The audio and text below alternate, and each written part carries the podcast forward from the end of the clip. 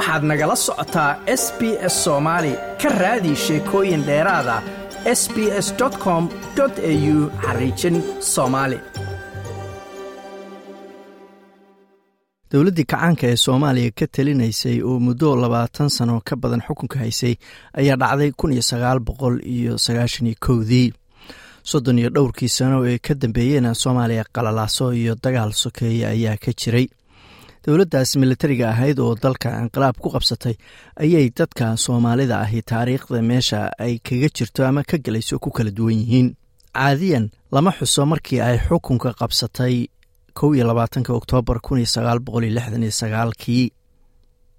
Balse magaaladan melbourne ee dalka australia waxaa markii ugu horreysay lagu qabtay kulan looga doodayay xukunkii dowladdii militariga ahayd. Waxa ay qabatay wixii ka khaldamay waxa lagu xasuusto iyo in laga raystay ama loo darsaday. Kulanka oo ay ka soo qayb galeen qoon-yahano iyo xubno kale oo ka tirsan jaaliyadda melbourne waxaan weydiiyey in laga raystay ama loo darsaday xukunkaasi dowladdii militariga ahayd. Ilaa hadda waxaan filayaa horta haddaad si u fiirisid qofkii ay la culus tahay wixii gafafkii ay dowladdaas gashay marnaba dhihi mayo waa loo darsaday. Laakiinse marmar qaarkood oo ay naftooda gudaha la hadlaan oo ay iswaraystaan iyagu dhexdooda waxay gaari doonaan ama gaaraanba go'aan ah waa loo darsada markaanu ururinay doodii maanta waxaa la ysku raacay ilaa la helo dowlad soomaaliyeed oo dalkii oo dhan hanata. Dadka dhibka ay ku jiraan aad iyo aad. Waxaa la isku raacay dowladdii maxamed siyaad iyo dowladdii militariga wixii ka khaldamay allaha ka cafiyo in aad iyo aad ummadda soomaaliyeed ay ugu darsatay. Waxaana tusaale loo soo qaatay dhul soomaaliyeed oo maqan inay raadinayeen maantana in jamhuuriyaddii xorta ahayd ay etoobiya leedahay annagaa iskale dekada saylac wallaahi aniga ra'yigayga kollay nin walba ra'yigiisuu hadlaa maxamed siyaad kow iyo labaatan sano wax badan oo badan oo badan oo badan ayuu dalka ka qabtay.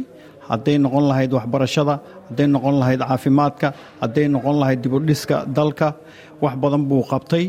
Haddii kow iyo labaatankaas sano wixii ka dambeeyey anigu waxaan qabaa cabdirasaaq ahaan waa loo darsaday. Sababtoo ah wax ka dambeeyey oo macno leh oo dee qaab dowladnimo u samaysan ma imanin dalka. Haddii isqabqabsi iyo dad aan habaysnayn oo jabhade iyo qabiil iyo wax ku salaysan yaa dalkii la wareegay. Haddii taana micno badan maysa samayn ummaddii soomaaliyeedna jab baa soo yaa ku dhacay. Haddii qaranjabkii yaa nagu dhacay waxaa halkanna keenayna qaranjabkaas ayaa ugu weynaa. Waa loo darsaday laakiin macnaheedu ma aha inay dowladdaasu saxsanayd. Macnaheedu waxa weeye marka loo fiiriyo dowladdaas waxay samaysay kala dambayntii noloshii jirtay magaca soomaalida magaca ummadda soomaalida. Marka taa la dhinac dhigo dowladdii dowlad dowladahan ka dameeyey oo dhan ka horreysay ayaa ka fiicnayd. Macnaheedu ma aha macnaheedu ma aha inay iyagu sameeyeen wax aad u wanaagsan laakiin waxa ay sameeyeen wuxuu toban jeer ka fiicnaa waxa kuwii ka dameeyey ay sameeyeen. Again ma la odhan karaa waddada ay qaadeen kuwa kanu waxaa sabab u ahayd wixii dowladdii ka horreysay ay samaynaysay haddii loo eego nidaam ahaan iyo dowladnimo iyo maxaa la yidhaahdaa adduunyada oo nala texgeliya dowlad ahaan ama yacni shacab ahaan oo xuduudaheenna laga baqo yacni definitely waa wax la dhihi karo. Yacni xukun jabay ayaan nahay oo yacni dhinacaas waa loo darsaday. Dhinaca kalena waxaa la dhihi karaa yacni waxaan la nimid fikir cusub oo ah nin walba inuu gurigiis ku noqdo ou dhiso oo maxaa la yidhaahdaa horumar uu keeno oo yacni ayna noqon hal qoys yacni xukunka ha ku fadhiyo yacni markii dhinaca loo eego dhinacaasna horumar ayaa ka imaan karaa la dhihi karaa absid waa loo darsaday. Si xoogaa loogu darsaday. Wax alla wax lagu bedelay oo aan dhib ahayn oo aan khasaaro ahayn oo magacaxumo ahayn oo aynu hayno ma jirto. Xasanoo fiiri soomaalidu waxay soo martay dhowr marxaladood. Somalida waxay soo martay waqti aan gumayso u iman oo iyadu daaqsin iska deganeed oo soomaali caadi ahayd. Iyo waxay soo martay waqti ay gumaysi ku jirtay. Iyo waxay soo martay waqti ay xornimo qaadatay waktigii ay gumaysigu u iman iyo waktigii gumaysigu jirtay int kasta mid kastaba soomaalidu magaceeda wuxuu jiray yani dadnimadeeda iyo qabkeeda iyo hankeeda iyo magaceeda u wanaagsanaa sharafteeda waa jirtay. Markii ay xornimada qaatay dowladnimadana sidoo kale maxaa keenay su'aasha isweydiinta le waxay tahay war kii markii wixii ka dambeeyey ilaa soomaalidu waa ku weyn maxaa wixii ka dambeeyey ilaa hadda soomali u soo kaban la'day maxaa qabkeena iyo sharafteena u soo noqon la'day maxaa ilaa aan ugu raanay dhowr iyo soddon sano sidan u nahay? Waxaa halkaas kaa tusaysaa waxaan kow iyo labaatankii ka dambeeyey ee dhacay ee soomaaliya ay ku kacday oo ay isu geysatay ama ay ku dhaqantay ayaa wuxuu yahay wax aad iyo aad uga fog waxii ama kacaan geystay ama cid kale geysatay tii baa laga soo kaban layahay marka ma qabo anigu in loo darsaday in laga raystay waa loo darsaday. Inagoo dhan baa tusaale u ah in loo darsaday. Waa loo darsaday. Wax ka dambeeya oo nolol aan ma jirin dalkiina waa burburay waxna laga faa'iidin waxaa la aaday qabyaalad iyo waxaan loo baahnayn. Dhinac markii laga eego waa loo darsaday dhinac kale markii laga eegana looma darsan dhinac markii laga eego dee dagaaladii dhacay ahliga ahaa iyo dadkii la laayey iyo khaladaadkii meesha ka dhacay waa loo darsaday dhinac kale markii la eego sistamka hadda la aasaaso federaalnimada marka la eegana looma darsan sababta waxa weeye shalay muqdisho waxay ahayd inkastoo caasimadii magaalada aanu ixtiraamay runtii caasimadii magaalada ay ahayd waxayd meesha keliya oo wax walba ku xirnayd bay ahayd maanta. Laakiin maanta ma ahan. Sistamo kala duwan baa ka jira waxaan u baahan tahay maanta garow waad ka heli kartaa ama gaalkacyaad ka heli kartaa ama baydhab aad ka heli kartaa ama kismaayo muqdisho laftigeeda aad ka heli kartaa hargeysa aad ka heli kartaa. Marka waxaan aaminsanahay anigu faa'iido xaggaasa waa jirtaa khasaaro xoog loola soo marana waa jirtaa laakiin wax walba oo dhacay xitaa dadkan hadda woorlooladii soo baxay oo hubka qaatay oo dadka laynaya oo kulli waxaa ka dhaadhacsanay. Sida keliya wax lagu xukumi karaa inay tahay qoriga caaradiisa inay tahay anugu mar walba qoriga caaradiisa waa ka soo horjeedaa. System waxaan jeclahay nidaam ah oo doorasho qofka uu ku yimaado weliba qof iyo cod in qofka dadka lagu doorto. Haddaynan tan islaamka ama qaadanayn xasan arinta ayada ah uma baahna maaragtay manaa xataa in laga fakara uma baahna. Waa loo darsaday sababtoo ay tahay dowladda milatariga wax kasta ha ku xumaato. Laakiin dadku nabad bay haysteen waxbarasho bilaashay haysteen caafimaad bilaashay haysteen dowlad xuduudadooda ilaalisa oo safrantigeeda ilaalisa haysteen.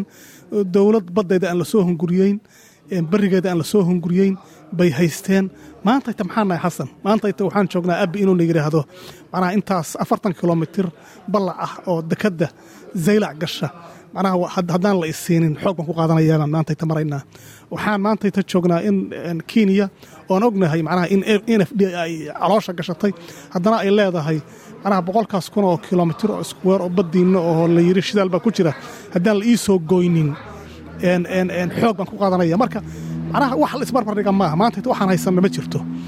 Maantayta soomaaliya xabadkay dhulka ku haysaa haddii dadkeedu aysan tashan caqliga uusan shaqaynin mid aysan noqonin mashaakilaadka hadda adduun ka jira iyo gobol ka jira saamayn aad u ba'an baa yay ku yeelan doontaa. Marka dadka soomaaliyeed ha iska ilaawin wixii la soo dhaafayna taariikh ha u noqoto waxaa ka barteen wixii hadda ka dambeeyana midnimadooda ha ka shaqeeyeen midnimadooda ha ka shaqeeyeen hana isku dubnaadeen. Dowladdu markay duntay meesha dowladba ma imaan haddee gudka guuqasho u gurweye waagii hore dowlad baaba la haystee laga hadlaya. Hadda wax laga hadla ma jiraan. Soddon sano oo dowlad la'aan ayaa la joogaa.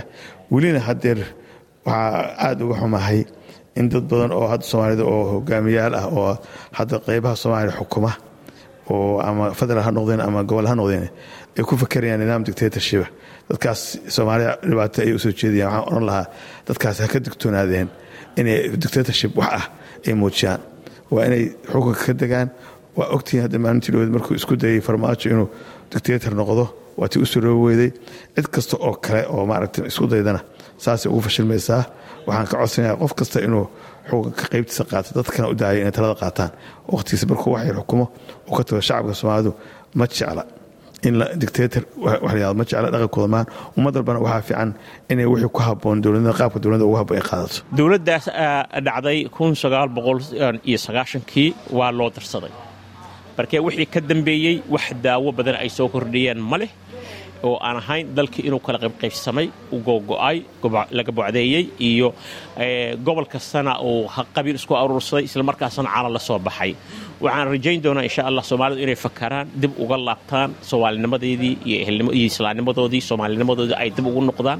Iimaanka la sugo oo dadka iyo dalkaba dal isugu soo celiyo. Afartan iyo shanta calaan oo meel kasta taagana laka joojiyo insha allah. Waxaan aaminsanahay haddii kacaanka sidii loola dagaalamay si aan ahayn loo farsamayn lahaa in wax fara badani ay badbaadi lahaayeen oo maanta soomaalida ku dhacay sida burburkii dalka iyo burburkii qarannimada inay badbaadi lahayd ayaan aaminsanahay waxaana ka hor yimaaday kacaan kale oo burburiyey oo aan lahayn qorshe uu dalka ku hago waana midda keentay in maaragtay uu dalkii burburo dadkiina ay burburaan dhaqankiina burburo. Waxaanan hadda rajaynayaa in taa looga tusaale qaato soomaalida oo maanta waxa ay ku heshiiyeen ay ilaaliyaan kana ilaaliyaan xukunkii dheeraaday oo kale sida muddo kororsiga iyo wixii la mid oo kale. Cadaaladna lagu maamulo si sinaanana wax lagu maamusho loo iskuna dayo in laga gudbo nidaamka ka ee qabyaaladda iyo qabiilka ku salaysan oo ah sababihii uu dalku burburay aad baad mahadsantihin ma doonaysaa sheekooyinkan oo kale? Ka dhegayso apple podcast google podcast spotify ama meel kasta oo aad bodkastigaaga ka hesho